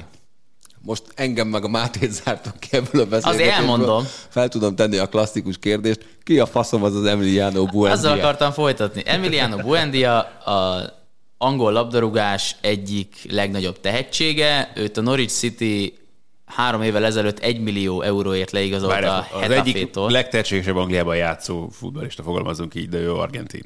Igen, igen, igen, igen, világos, persze. Tehát argentin futballista, aki Angliában játszik, Hetafétól érkezett a Norwichhoz egy millió euróért három évvel ezelőtt, és mostanra eljutott az argentin válogatottig, és, és hát gyakorlatilag bármelyik csapatba szerintem beférne, kis túlzással. Az Arzenál nagyon-nagyon sokáig szerette volna leigazolni, szó volt arról, hogy már a téli átigazolási hát időszakban... Szó volt arról, hogy már egy évvel ezelőtt. Igen, tehát volt, már több, a tavaly nyári tervek egyik fontos eleme lett volna állítólag Buendia megszerzése, ehhez képest ugye ez nem történt meg. Idehozták például okosan, nem tudom, Williant borzalmas pénzért, aki aztán ugye semmit nem csinált az egész szezonban. Akkor volt róla szó, igen, ugye tavasszal is, és aztán semmi nem történt, aztán odáig fajultak a dolgok, hogy nyilván az Aston Villának sokkal jobb szezonja volt az idén, mint az Arzenálnak ember emlékezett óta először ugye tényleg marha jó évadot produkáltak, és bármennyire is fájdalmas ezt kimondani Arsenal szurkolóként, Emi Buendiának vonzó volt az, hogy az Aston Villában játszon a következő szezonban, mint az Arsenalban. Na de itt, és itt jön be az én nyomorom, hogy én ezt, én ezt nem tudom fölfogni épésszel. És, és azt se tudom fölfogni épésszel, hogy, hogy ez igazából az Aston Villán kívül, ez kinek volt jó. Ugye most a lényeg az, hogy egy, az, az Arsenal elvileg tett egy 30 millió fontos ajánlatot Buendiáért, bár ez nem hivatalos, ez inkább csak plegyka, amit a Norwich elutasított, és egy napra rá az Aston Villa tett egy 35 millió fontos plusz bónuszok, ami 40 millióra fog rugni, ajánlatot, amit pedig a Norwich elfogadott. Én csak azt nem értem, hogy ez miért jó a Norwichnak, akik számíthattak arra, hogy fog még érkezni ajánlat. Tehát az, az Aston Villa után szerintem még az is elképzelhető, hogy az Arsenal tett volna egy komolyabb ajánlatot, de más csapat is. Nem, itt valószínűleg ugye az állat mögött, hogy nyilván oké, okay, bármennyire is ez papíron tilos, meg mit tudom én, tehát már azért erőteljesen egyeztetnek ilyenkor, meg szimatolnak, hogy az ügynökök körül is a, a klubok is, akik akarják szerződtetni a játékos. Tehát valószínű, hogy nem tudott volna az Arsenal Buendiával megegyezni. Aztán hogy az is fontos, hogy Buendiának nem csak a keresztneve azonos Emiliano Martinezzel, hanem az ügynöke is, aki ugye már az Aston Villa játékosa, tehát Igen. valószínűleg jobban be is voltak kötve náluk, jobban tudták, hogy mi az, amire számított. Meg hát amit most ugye biztosítani tudod az Aston Villa következő szezon, egy nemzetközi kupaindulás. Meg a kezdő poszt. Meg így van nyilván. De azért szerintem az, az, azt az Arsenal is tudná most neki biztosítani. Oké, okay, a Buendia papíron jobb szélső, ott a Nikola Pepe, aki jó, jól fejezte be a szezont, de én szerintem találtak volna a Buendiának helyet. Szerintem is. És, és ez a lényeg, hogy én nem tudom, hogy a Buendiának személy szerint ez miért volt egy jó igazolás. Nagyon-nagyon sok idő van hátra még az átigazolási időszakból. Buendiát istenként imádták Norwichban, de úgy, hogy, hogy tényleg istenként, aki csak szembe ment vele, gyakorlatilag megcsókolta a talpát, mert ilyen játékos soha nem volt még Norwichban, és valószínűleg nagyon sokáig nem is lesz. Tehát olyan dolgokat csinált, és tényleg érdemes róla, akit érdekel a futball, és szereti a futballt, megnézni egy 5 perces videó összeállítást, mert fönn van YouTube-on egy csomó, tényleg nem túlzás, hogy bárhova beférne Angliában szerintem, vagy kis túlzással tényleg bárhova. És nekem ez egy oldalra igazolás. Mert azért, mert tudom, hogy a Norwich most jutott föl, tudom, hogy a Norwich nem lesz európai kupainduló, lehet, hogy egyből ki is esik, de mégiscsak az Aston Villa most ugye ők szereztek egy zsák pénzt talán arab befektetőktől most. Tehát azt hiszem, hogy én úgy tudom, hogy igen, de azért ők nem lesznek szerintem stabilan egy top 6-es csapat. Legalábbis ha igen, akkor valami nagyon-nagyon komoly gond van az angol futballal. és és én személy szerint gyűlölöm az Aston Villát, de ez csak, de, de ez csak egy ilyen személyes... Tehát én pont azt mondtam a barátaimnak, ha bárhova elmehet, de tényleg bárhova, csak oda ne. És oda ment, az meg. És nekem ez borzasztóan fáj, Ebben, nekem, nekem ebből az igazán fájdalmas rész az, hogy én sajnos maximálisan meg tudom érteni, miért a villát választott. Tehát, hogyha most megnézed azt, hogy mi zajlik az Arsenal környékén, egy dolog, hogy nincsen európai kupaindulás, valószínűleg még azt is el tudom képzelni, hogy anyagiokban sem tudtak olyat ajánlani feltétlenül, az meg persze, hogy ha ott azt mondják, hogy ő folyamatosan kezdő lesz, akkor meg végképp valószínűleg nagyon nincs miről beszélni, és, és jelen pillanatban az egy, egy potensebb projektnek tűnik, mint az az Arsenal, ahol nem tudom, az elmúlt években hányszor változott egyáltalán annak az embernek a személye, aki ugye felelős volt az átigazolásokért, akkor hogy aki éppen dolgozott ezen a poszton, az milyen minőségben végezte a munkáját. Árteta alatt is ugye azért inogott a kispad többször is itt a szezon folyamán, tehát így éppen jelen pillanatban stabil jövőképet felállítani az Arsenal környékén nem nagyon lehet, és szerintem ez az, ami... De én, én nekem az is fáj, hogy sokáig nagyon nem hittem én már azért abban, csak egy picit reménykedtem, hogy ő itt marad. Mert ugye őt már azért két átigazolási hát időszak alatt sikerült így lasszóval megtartani, és már az is csoda volt. De mégis azt gondoltam, hogy ha elmegy, akkor valami olyan csapatba megy, ahol BL-ben fog játszani, ahol tényleg olyan nagy dolgokat fog csinálni. Nekem az Aston Villa az csalódás, és az a csalódás ebben, hogy mi lett volna, hogyha ténylegesen itt marad, még akár egy fél szezont, és bent tartja basszus a Noricsot akkor hova mehet? Az akkor Arsenal, bárhova mehet. Arsenal nem lett volna csalódás ebből a szempontból? Nekem az Arsenal az mindig a, mindig a, a legszimpatikusabb európai top klubok, még akkor is, hogyha most éppen szarszezonjuk volt, egyike volt. Én szeretem az Arsenal, ez az egyik. A másik, hogy az Arsenal azért egy brand. Az Arzenát ismerik mindenhol. Az Arsenal lehet, hogy most szarszezon zár, de szerintem jövőkép szempontjából azért egy sokkal nagyobb destination, Figyelj, mint az Aston Az azért azt tegyük a helyére, hogy a Birmingham volt sokáig a második, most már a harmadik város ugye Angliában, az Aston Villa azért jó nem ma volt, azért csak nyert annak idején ugye bajnokcsapatok Európa Igen, Tehát de... Angliában azért van respektje a villának, még akkor is, hogy az utóbbi 10x éve, 20x éve azért nem volt éppenséggel sikerektől hangos. De ettől még brandérték persze Európában nincsen olyan szinten, mint az Arsenal, de közben Angliában azért, azért van olyan respektje, meg elismertsége a villának. Én sokkal jobban örültem volna neki, ha elmegy az Arzenálba. Nyilván a legjobban annak örültem volna, hogyha itt marad, bár akkor én már magát a játékost picit sajnáltam volna, ő azért sokkal nagyobb dolgokra hivatott, mint a Norwich City-ben küzdeni a bennmaradásért, csak szerintem az Aston Villa sem egy kielégítő megoldás. Mindegy, nagyon kizártuk a galusékat, akkor földobom a kérdést, mert igazából e- ez volt a lényege. Melyik volt a nektek a kedvenc csapatotokban a legcsalódást keltőbb eligazolás. Tehát az, az Ádámnál van egy tippem, az Attilán gondolkodtam, de nem mertem tippelni. Ádám nálad én azt gondolom, hogy Fan Percy, de, az de nagyon... cáfolj meg. Hmm, gondolkodtam rajta, hogy tudok-e jobbat mondani ebből a szempontból, de nem is az, hogy csal... hát igen, csalódás kelt, és meg fájdalmas is, meg holott egyébként meg nyilván pusztán matematikailag lebontva a döntés folyamatnak az elemeit nyilván meg tudja érteni az ember, de mégis azt emlékszem, tehát hogy még a tatelemet is könnyebben el tudtam volna viselni, akkor nem tudtam. Akkor annyira éles volt az azt megelőző időszakban ugye az Arsenal és a Manchester United között a, a párharc. Ráadásul pont az a remény veszett el Van Persie eligazolásával, ami, ami lehetett volna az Arsenal számára, hogy valamiféle komoly sikert el tudjon érni az a csapat, meg az a generáció, és annak a csapatnak tényleg a, a fejét vágták le azzal, hogy Van Persie elment, és pont a Manchester Unitedhez, amivel aztán rögtön ugye a következő szezonjában bajnok is lett. De igen, az, az nekem a mai napig az egy nagyon-nagyon mélyen fájó pillanat. 2005. augusztus 3 és még Val- azt is tudom, hogy valami, valami és, és, és, még, és, még akkor is, és még azt is tudom, hogy hol voltam. Joe Szekics volt az, hogy ki? Jó, vagy. Na, de végre az Attilára is csúnyán néztek. Miről beszélsz? Nem tudom. Ki Hol játszott még Joe Szekig? Nem tudom, fogalma se volt. Na, nem, nem tudom, ki egy hülyeséget. Soha nem játszott máshol. Na, 2005. augusztus 3, én Berlinben voltam, amikor a lockout utáni évben megnyitott a szabadügynök piac. Hát ugye az azt jelenti, hogy egy éve semmilyen NHL sztori nincsen, azon kívül, hogy elmaradt a szezon És azt lehetett tudni, hogy az Avalanche a bérplafon bevezetése miatt nem fogja tudni megtartani a kedvenc játékosa, vagy a kedvenc játékosaim közül az összeset, és hát én óránként jártam az Alexander placon egy internet kávézóban, mert akkor még a, a, telefonon lévő internetet nem találták fel, hogy na mégis most mi lesz, mi lesz, mi lesz, és, és akkor egyszer csak az volt, hogy a, a Szekik, Blake, Forsberg, Foot négyesből Hát először Eden Foot ment Kolumbuszba, azt sajnáltam, de nem annyira. És akkor utána egyszer csak jöttek a hírek, hogy Péter Forsberg visszadobta az Avalanche ajánlatát, és aláírta a Philadelphia Flyersbe, és akkor, hát akkor nagyon csúnyákat mondtam Pierre Lacroix-ra. Ez. És egyébként utána a következő szezonban nagyon vártam a Colorado-Philadelphia meccset, és az volt az a pillanat, amikor úgy volt, hogy kurvára nem érdekel, ki nyert, csak a Forsberg játszol jól, és egyébként a Philly nyert hosszabbításban Forsberg góljával. Máté? Ö, Gondolkoztam, és Dennis Rodman San Antonióból Chicagóba cserélése.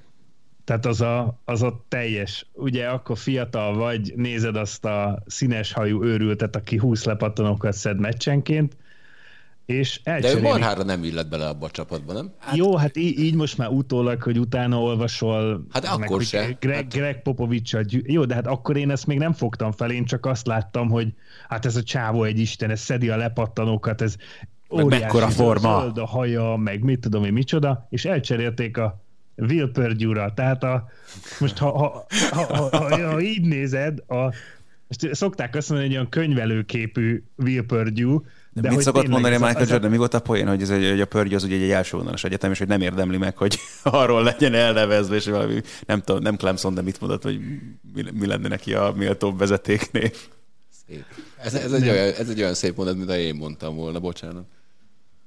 De, de, de egyébként tényleg az volt, tehát az úgy akkoriban egy, egy, egy vicc volt, hogy a liga legjobb lepattanózója odaadták a Chicagónak, és akkor nyilván az elején azt látta az ember, hogy a Bulls nyert három bajnoki címet Rodmannel a fedélzeten, és az, ott akkor nekem nagyon fájt, mert tehát Will Perdue volt az, hogy tudom én, a 90-es években volt ez az érzés, hogy volt ez a Hakim Olajuwon, David Robinson, Patrick Ewing, Shaquille O'Neal féle vonal, hogy nagy darab szákás uh, centerek, és ott volt egy Will Perdue, aki ilyen, hm, Bocsánat, megtaláltam közben, Will Vanderbiltnek csúfolt a Jordan.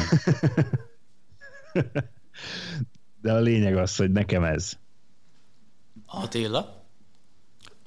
Olcsó poén lenne a mostanit mondani, hogy Dávid Alaba elmegy a Real Madridba, de, de ennél jobban fájt 2015-ben, amikor Schweinsteigert eladtuk a Manchester United-ben. Fú, hát akkor én is ki voltam. Jó, de hát Schweini akkor azért már Csapatnak szívét nem adod el csak azért, mert van egy olyan edző, aki szarik minden ilyesmire.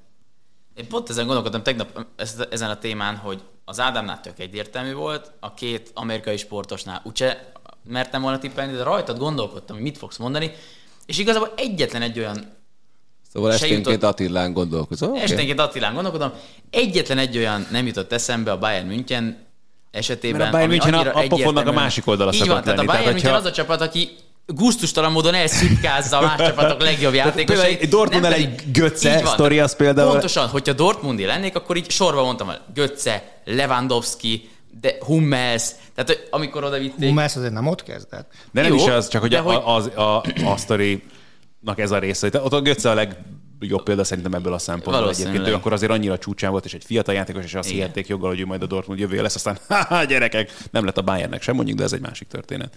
Tehát ilyet nyilván a Bayern nem, nem is tudott Igen, és, elszenvedni, és nem a egy nem jutott eszembe, az fakadóan. Alabán gondolkodtam, de szerintem az Alabán most igazából nem egy nagy veszteség azért a mostani Bayern Münchennek, vagy igen? De, de hát De a játék... ma már ne így el többet, mert meg. Miért az Alabán, de miért? Én nagyon Az ki voltam, amikor az játékosa a Münchennek? feloszlott. Tehát, Nem. tehát az, azt, gond, azt mondod, hogy a mostani futballpiacon nincs öt olyan játékos, akivel pótolhatod a David Alabát? Megpótolja, amikor ott van. De oké, okay. De nem tudom, egyébként De, de szerintem... figyelj, a másik az, hogy, hogy nyilván kis csapatok szurkolói nem értik azt meg, hogy egy-egy nagy csapatnál, hűha. Na, figyelek.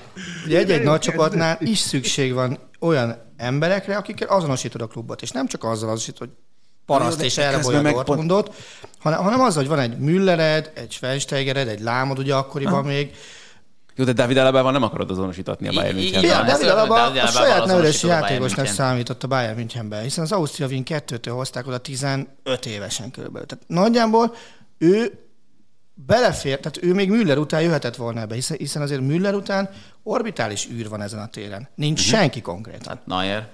Ne, hát Sá, Gelsenkirchen. De oké, okay, de Neuerrel nem azonosítod a Bayern München? Nem, most Attila azt mondja, hogy aki le, Én értem, fiatal korától Attila mond, én fogva értem, amit be- Attila mond, de én Tehát még aki, arra ott, kötök, aki hogy... csak ott játszott. Kell, okay. kell ilyen. Tehát Neuer nem ilyen. Neuer Schalke nevelés. Kész.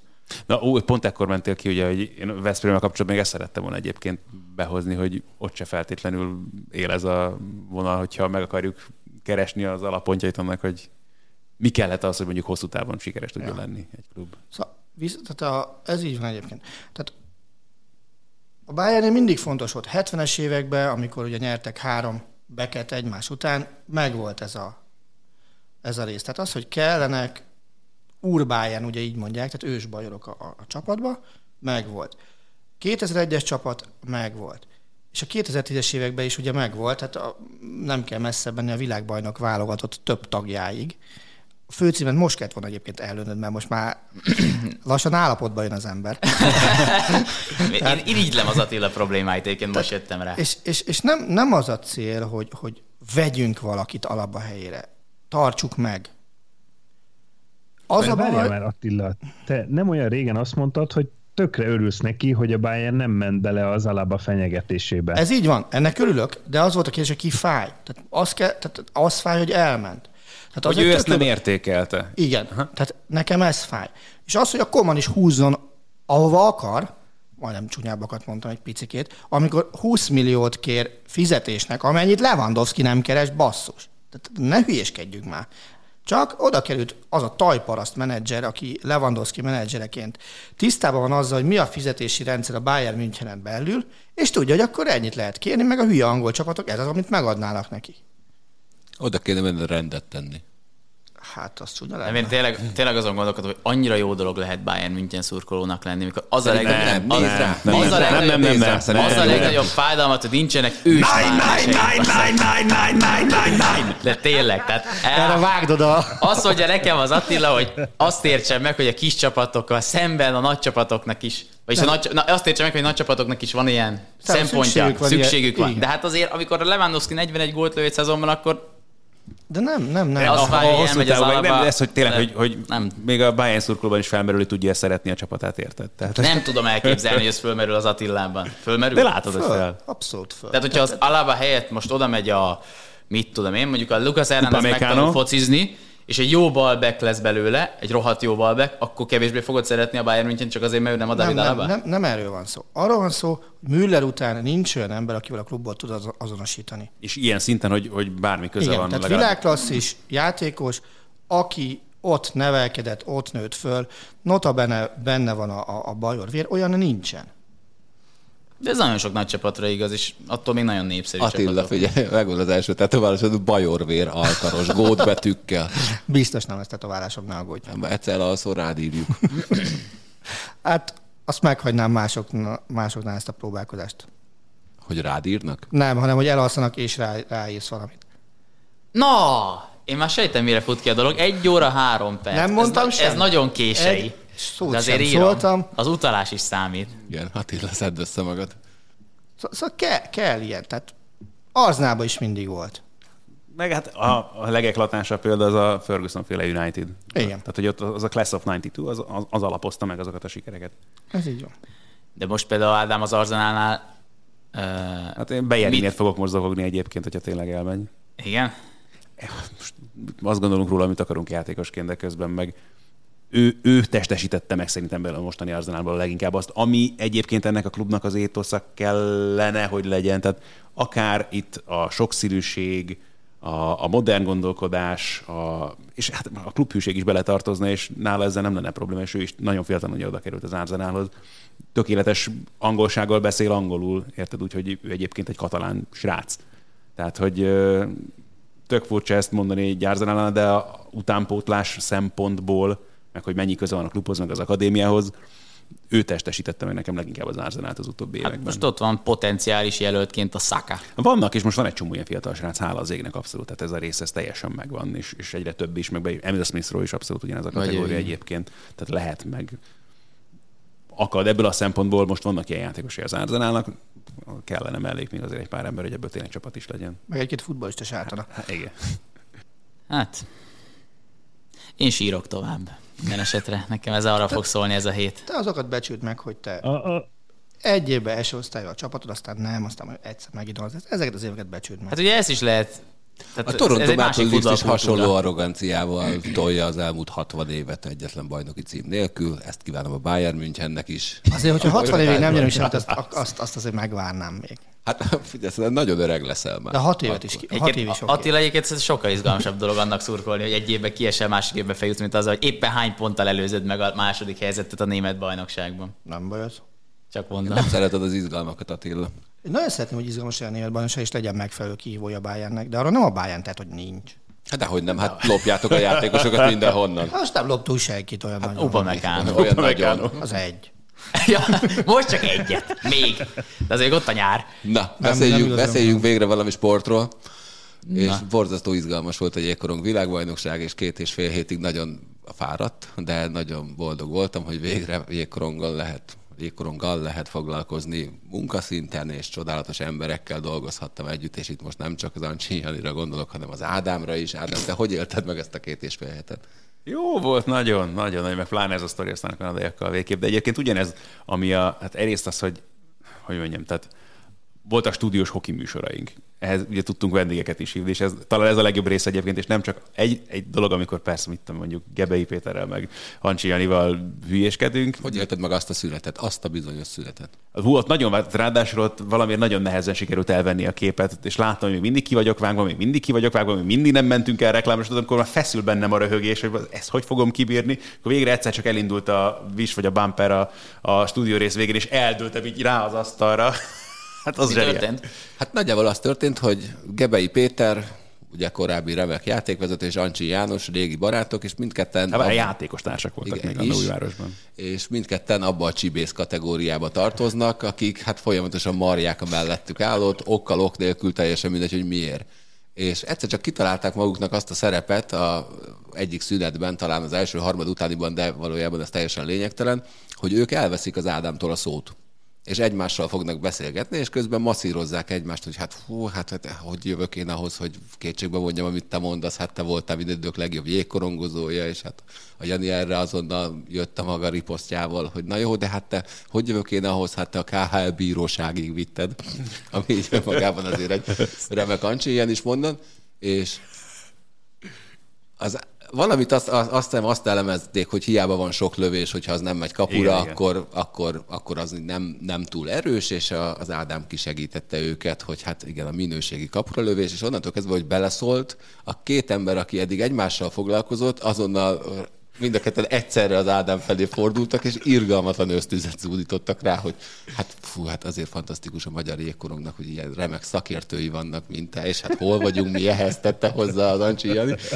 Úgyhogy az, az teljes káosz volt, imádtam. Na jó, de ki az, aki házhoz megy a pofonér két ilyen ember mellett? Segíteni akart neki. Én teljes, teljes jó szándékkal láttam ez. De ebben az volt legszebb, hogy Jani, egyedül elvinne egy ilyen műsort, De nem kell egy műsorvezető. Tehát ez volt a kemény, hogy ugye, amit mond a Galus, hogy az első harmadban azt hiszem még fel tudtam tenni a kérdést a szünetben. A másodikban már úgy volt, hogy a mondat felé jutottam, mire Retye elkezdett beszélni, és onnantól kezdve nem is kellett, hogy megszólják, vitték szép, tényleg csinálták a sót maguktól.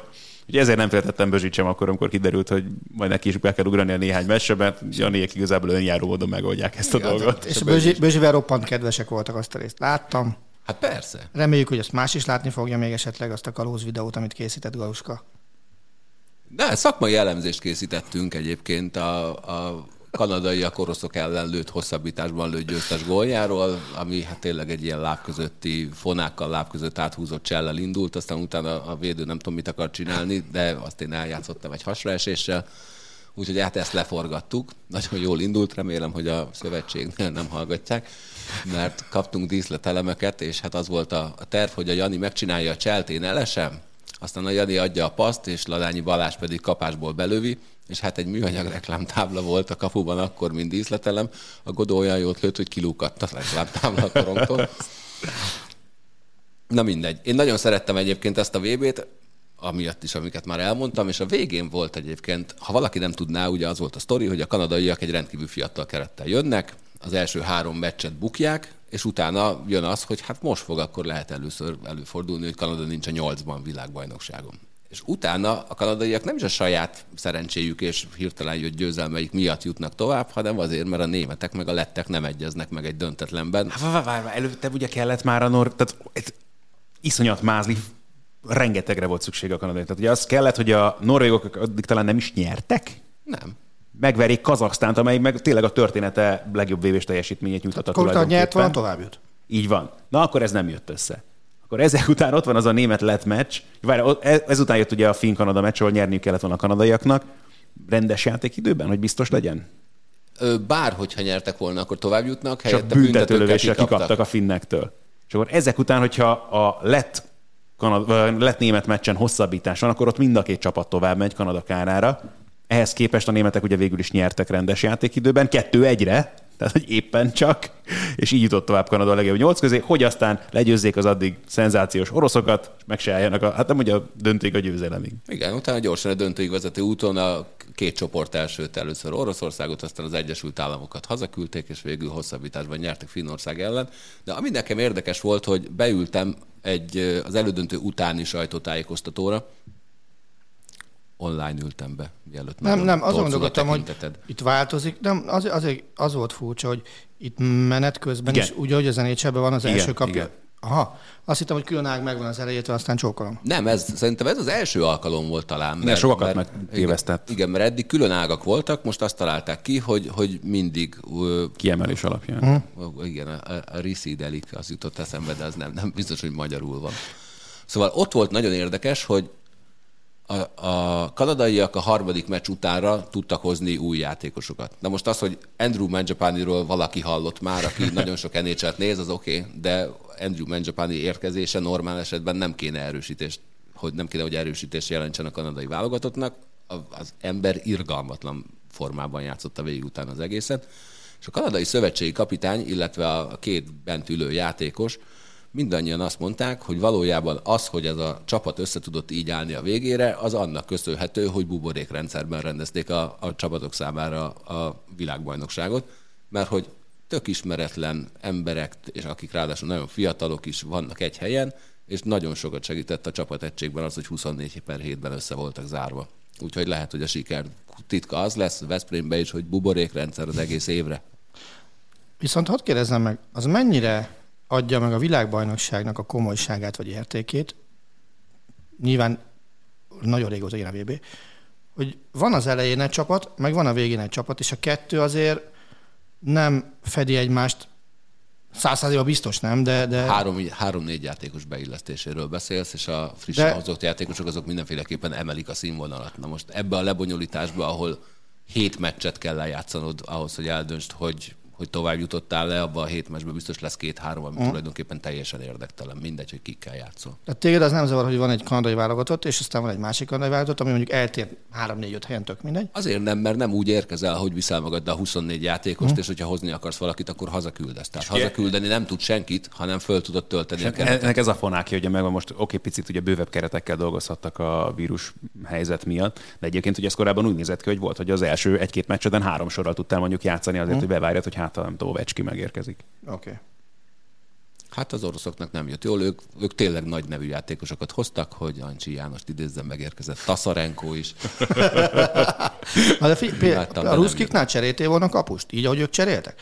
Volt egy kapusod, aki a, az alapszakaszt végigvédte, lehet, hogy egyes kapott gól átlag alatti Egy mutatóval, környékén maradj. és, és behozod az első éles meccsre a félig meddig hidegen érkező kapusodat, akinek nyilván karantént is kellett.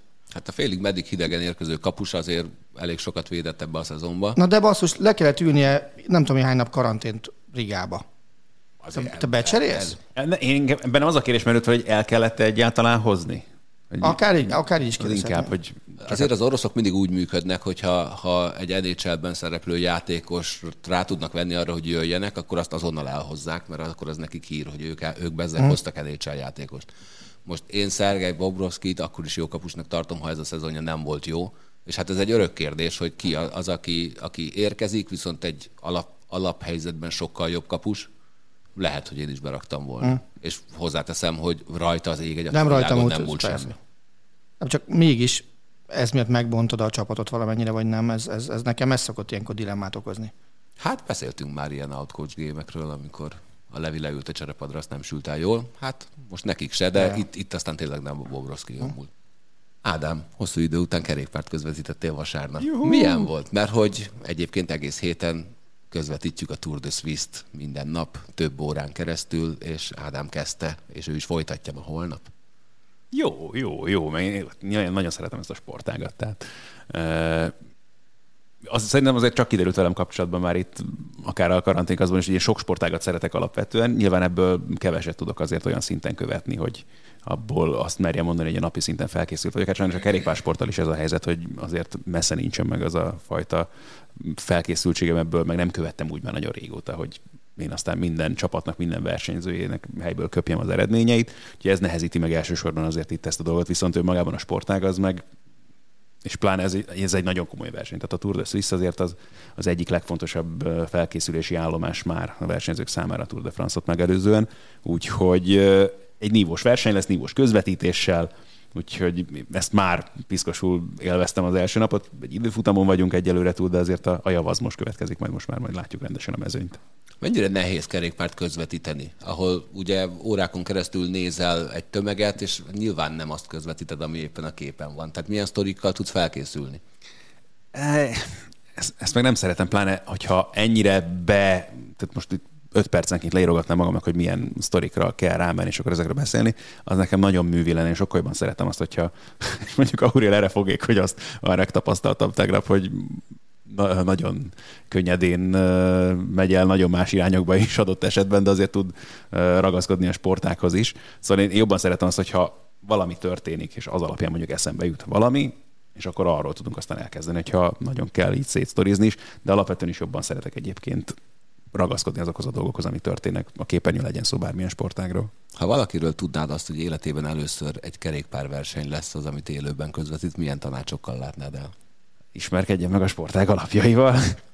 Itt tényleg az, hogy egyáltalán hogy működik, mert nagyon speciális ebből a szempontból a kerékpár. Szerencsére azért most már tartunk ott Magyarországon, erről beszéltünk Walter Attila kapcsán is ugye az elmúlt hetekben, hogy azért most már az embereknek nem ismeretlen egyáltalán a kerékpársport, meg ö, látnak folyamatosan magas szintű versenyeket, tehát nem kell feltétlenül az alapokról kezdeni, mondjuk, mint a baseball esetében a szabályoknak az elmagyarázását, meg a, a az események Mármint a kommentátornak, ugye igen, érzed? igen, igen, igen, igen, igen, igen.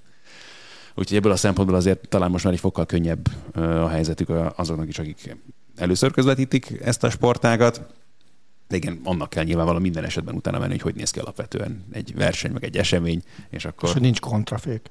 például. Na Marci, te hogy készülsz életed első élő közvetítésére? Mert hogy szombaton és vasárnap veled, veled zárul majd a Tour de Suisse. Hát mondjuk, hogyha azt mondanám, hogy nem néztem annyi kerékpárt életemben összesen, mint amit az elmúlt egy hétben, akkor az nem, az nem mutatja meg reálisan azt a különbséget, mert igazából a nulla és a száz között mozog ez a történet. Tehát most az elmúlt egy hetem arról szólt, hogy a az összes szakaszát gyakorlatilag, ami az időbe belefért, visszanéztem, beszéltem az Ádámmal, ő elmondta a alapokat még az előtt, hogy én elkezdtem volna ezzel komolyabban foglalkozni. Hát, és igazából most van az, hogy elkezdem, tehát nézem a Ádi közvetítéseit, meg ugye böngészem a Tour de Suisse összes létező médiumát, vagy nem tudom, ilyen, hát vannak ilyen online platformok, amiket Igen, meg egész, egész nézni. korrekt tök, tök korrekt vannak. Az egyetlen, ami zavar, hogy nagyon sok minden németül Igen. van, ami én egyébként tanultam gimiben németet, és anyukám most fog majd egyszer engem a, nagyon megfedni, hogy látod, hülye gyerek, ha hallgattál volna rám, mert hogy gyűlöltem a németet, és minden erővel azon voltam, hogy minél kevesebbet ö, fogjak meg belőle. Ez most itt visszaütött. De- Semmi baj, küld el a 180 oldalas német nyelvű alapanyagot, mert Attila ülő lefordítja? Attila lefordítja neked egy fél óra alatt. Jó. Azonnal játsz egy olyan intrót neki, hogy du bist nicht wunderbar. Ja, igen. úgyhogy, úgyhogy igazából így, és így reménykedem benne, hogy majd jó lesz. Meglátjuk abban a pillanatban, hogy benyomódik a piros gomb, hogy ez most így hova fut ki ez a történet. Abból a szempontból van szerencséd, hogy a hetedik szakasszal kezded, ami pont időfutam lesz. Ami Nem, az utolsó az időfutam szerintem. hetedik időfutam, és a nyolcadik még egy Na heti. látod, még ezt sem tudom pedig. tessék. Na, nem baj, az a szerencséd egyébként, hogy szombaton én is és Barta Zoli is itt leszünk, hogy minden segítséget megadunk, hogy Hála Istennek. életed első kezdetítése Hála gördülékenyen menjen. Istennek. Lehet, hogy forgatok is. Nagyon jó lesz. Ezt külön várom. Po- No. Porszívót kérünk. De egyébként ez olyan szinten működik, hogy tegnap, tegnap lementem a Bartozolival az egyik közvetítésére a, a VO4-be, és megmutatta, hogy például hogy működik a hangpult. Tehát, hogy olyan szintű kezdő vagyok, hát meglátjuk. Jó lesz ez, én nagyon szurkolok neked, ahogy nagyon szurkoltam annak is, hogy ez a Mayweather Paul mérkőzés végül ne történjen meg. Én hajnalban láttam belőle sokat, mert hogy párhuzamosan ment a, az Avalanche Vegas negyedik meccsel. Hát egy dolgot szeretnék idézni ehhez, aztán ha akartok, még beszéljetek róla, de én nem nagyon akarnék. A Total Damage magazin avval a címmel jelent meg, hogy na, erre ezért nem volt érdemes felkelni, és akkor utána jöttek az összefoglalók, tökéletesen egyetértek vele, ez borzalom volt. Nézd, Ádinak mondtam egy elrettentő számot még a felvétel előtt. Mayweather találtai száma 8 menet alatt. Mennyi volt? Én azt láttam csak, hogy az elindított ütéseknek hány százaléka talált be. Az 40. Az Magas 40, igen, de már egyébként ott azon meglepődtem, hogy egyáltalán a, a másik ember, a Paul nevű, aki ez most a Logan volt, 10 százalék? 13. Oké, okay, tehát akkor meg tudta ütni Mayweather-t, aki arról volt híres egyébként, hogy megüthetetlen. 28 megtisztelő alkalommal meg tudta ütni, igen. De basszus, az, hogy egy képzett boxoló nem képzett youtuber ellen összesen 43 darab ütést visz be 24 perc alatt, ami azt jelenti, hogy percenként a kettő sincs meg. Jól számolok? Igen. Az nevetséges. Az, hogy az első két menetet simán oda lehetett, kellett adni Polnak, az tök triviális. Ha lett volna pontozás persze. Ugye nyilván bírók sem voltak. De az, hogy egy teleszalt zoknit nem bír kiütni a, a világ valahol egyik legjobb boxolója, azért menjen a fenébe. És ezek után meg van olyan amerikai oldal, ami azzal jelent meg, hogy még mindig Floyd Mayweather a profi box legnagyobb showmenje, ez aztán a non plus ultrája az egésznek. Hát figyelj, Francis Ngannou tweetjét láttam utána, hogy, hogy azt hiszem, hogy a faszkalap szó is szerepelt benne valami más átkötésben, de hogy és akkor ezzel a vereséggel egy nyeretlen amatőr boxoló 20 millió dollárt tett zsebre, amit ő kb. soha büdös életben nem fog Igen, ez egy nagyon érdekes kérdés, mert a pénzdiakról aztán tényleg össze-vissza írtak mindent. Tehát a, volt olyan amerikai oldal, az ESPN talán, ha jól emlékszem, amelyik a meccs felvezető cikkében azt írta, hogy, kett, hogy 250 ezer dollár Polnak a, felépő díja, Mayweatheré meg 10 millió, plusz a PPV bevételek fele. Na, de hát a másik feléből azt szerintem simán meg lesz neki. De nem tudom, hogy a szlogán, az nem volt odaírva, hogy azt, azt, azt hogy Paul kapja, vagy nem. Ők persze. Hát azért valami a szervezőnek is kéne, hogy jusson. Hát azoknak minek? Azoknak szerintem a szégyen jut, mert erről Tényleg az az egész... akadozó Showtime Igen. feedről azért Thriller világ- Promotions, azt hiszem. a- Igen, úgyhogy hát nekem egy szó jutott róla az egészről eszembe, hogy szánalmas, egyetlen egy pozitívumot láttam, a Baskának a szakértése az azért egészen szórakoztató volt. Igen. Azért azt ne felejtsük el, hogy 8 meg lehet majd nézni a Sport 2 ma. Egy igazi marketinges vagy. Na, nagyon-nagyon gyors kérdések, ez villámkérdéssel érünk véget. Állandó kérdezőnk Bővúv kérdezett újra. Szeretném megkérdezni a társaságot arról, hogy mik voltak azok a döbbenetes jelenetek, amiket valaha láttak, és úgy bámultak rá tátott szájjal, ahogy Kangyal Balázs az eheti trestókban, ami egyébként a két héttel ezelőtti trestók volt, csak múlt héten kimaradt a kérdés. Attila, mi volt az a sportjelent, amire tátott szájjal bámultál? Na, ő nem tudja, én, én hoztam egyet, inkább azért volt tátott szájban, nem nagyon láttam belőle semmit, és a, ez a Kievi Divízió 1-es világbajnokságon volt három évvel ezelőtt, amit hát nehéz minősíteni azt a csarnokot felszereltségileg, meg mindenhogy, a, ahol rendezték, és a, amikor még minden nagyon szépnek tűnt, és elkezdődött a, az első meccs Ukrajna ellen, és egy palánkról visszapattanott Bartolos Isti a lába között húzott föl a, a felső sarokba, akkor az volt az a pillanat, amikor tátottam a számot, hogy oké, okay. és akkor én ezt most nem tudom megnézni lassításban, mert hogy nincsen semmi, ami, amivel lassítani lehetne.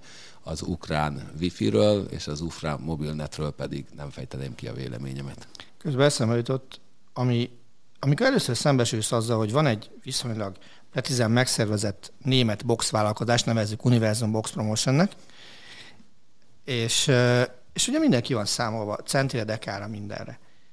És megérkeztünk egy mérlegelésre, lemegy a, lemennek a miénk mérlegelés, akkor még nem ők voltak a főmeccs, és jön a Mihály Csevszki Derek Harmon meccs mérlegelése, Mihály Csevszki sima izé, sima liba, bőven benne a súlyhatáron, és egyszer csak arra életsz föl, hogy tolongás minden, oda nézel a mázsára, és itt törölközőt látsz kifeszítve. És azt látod, hogy a csávó így dobálja ki a, ruhákat a törölköző mögül. Mert hogy mindent le De kell. nem csak az, hát azt tudod, hogy ha a törölköző tetejét fogod, akkor avval elviszed valahogy a súlypontodat, és kevesebbet mutat a mérleg. Tehát az nem csak arról ezt, ezt szól, hogy mind- le vagy vetkőző. De nem, nem, nem, nem ő fogta a törölközőt. Tehát a törölközőt tartották neki, és, és akkor szembesül ez, hogy ú, basszus, itt tényleg mindent be lehet vetni azért, hogy, hogy legyen esemény, és, és jöjjön a, a lé befelé. Marci, nem kérdezem meg, mert egész nap tátott szájjal vagy. De egyébként a, most ez nekem egy tök más, de a Priskin Tamás gólya 15-ben a norvégok ellen. Nekem az volt, az, kim voltam ott a Grupam arénában, és nem, nem tudtam megszólalni. Én tudtam üvölteni. Hát igen, üvölteni én is, de hogy tehát nem értelmes gondolat nem volt a fejemben azóta Sem. se tudom. Ezért, de ott legalább egy pár óráig. Máté? Kawhi Leonard Philadelphia 76ers Ú, elleni tavaly előtt. utolsó pillanatos dobása, Mi hatszor pattant meg? am- am- ami pattogott a gyűrűn, és olyan felvételek vannak róla lassítva, hogy vagy tényleg 5-6-szor Hogy Leonard googolott a pálya sarkán. Igen, Neke, nekem az egy ilyen az egy ilyen elképesztő pillanat, és va- van egy, van egy nagyon jó ilyen, valaki a pályaszéli egyel volt, és kamerázta az egészet, és megvan az a szög is, ahogy a, ahogy a pályaszélén álló néző, néző ezt hogyan élte meg. Hogy és azt is mekkora kus lesz közben a- abban a csarnokban, érted? És a pattog, te még kb. azt is hallod, hogy ott rugózik a gyűrű. És ott, ahogy 20 ezer embernek pang. van tátva a szája Egy kicsit körülbelül. a birodalmi a induló pillanatban. elejére hasonlított. Igen. Ádám, fanbasztem? Sok minden eszembe jutott. Hát én akkor nagyon kis gyerek voltam, azt én nem is láttam még akkor. Dennis Bergkamp akkor már inkább egyébként tíz évvel később, amikor Frank de Boer megküldte neki a saját térfeléről a Amiről labdát. bejátszottuk a... a Igen, igen, igen, igen. De egyébként most hirtelen egyébként eszembe jutott, ne kérdezzétek, hogy miért pont ez, az talán egy 96-97-es Fradi Újpest volt, amikor égett a Fradi a szünetben egy nullára, azt hiszem egy Szanyókarcsi 11-es után, kettőre vezettek már a második fél időben, egy szöglet, Szűcs Lajos kiüti a labdát a 16-oson kívül, akkor még az Újpest kapusa volt. Jagodics kapásból visszaküldik 25-ről, Arra de úgy, hogy embertelen módon ez jutott még eszembe hirtelen. Szerintem azt a gólt én archiváltam annak idején. Az nem kizárt. Úgyhogy lehet, hogy még megvan. A YouTube-on biztosan. No, hát köszönjük szépen, hogy itt voltatok, meg nektek, hogy hallgattatok, vigyázzatok, ott ma... vigyázzatok magatokra, és jövő héten is gyertek. Aztán, ha minden igaz, jövő héten lesz egy sztár vendégünk is, aki nem a Szaniszló Csabi, de körszakállas. Sziasztok! Sziasztok! Sziasztok! A műsor a Béton partnere.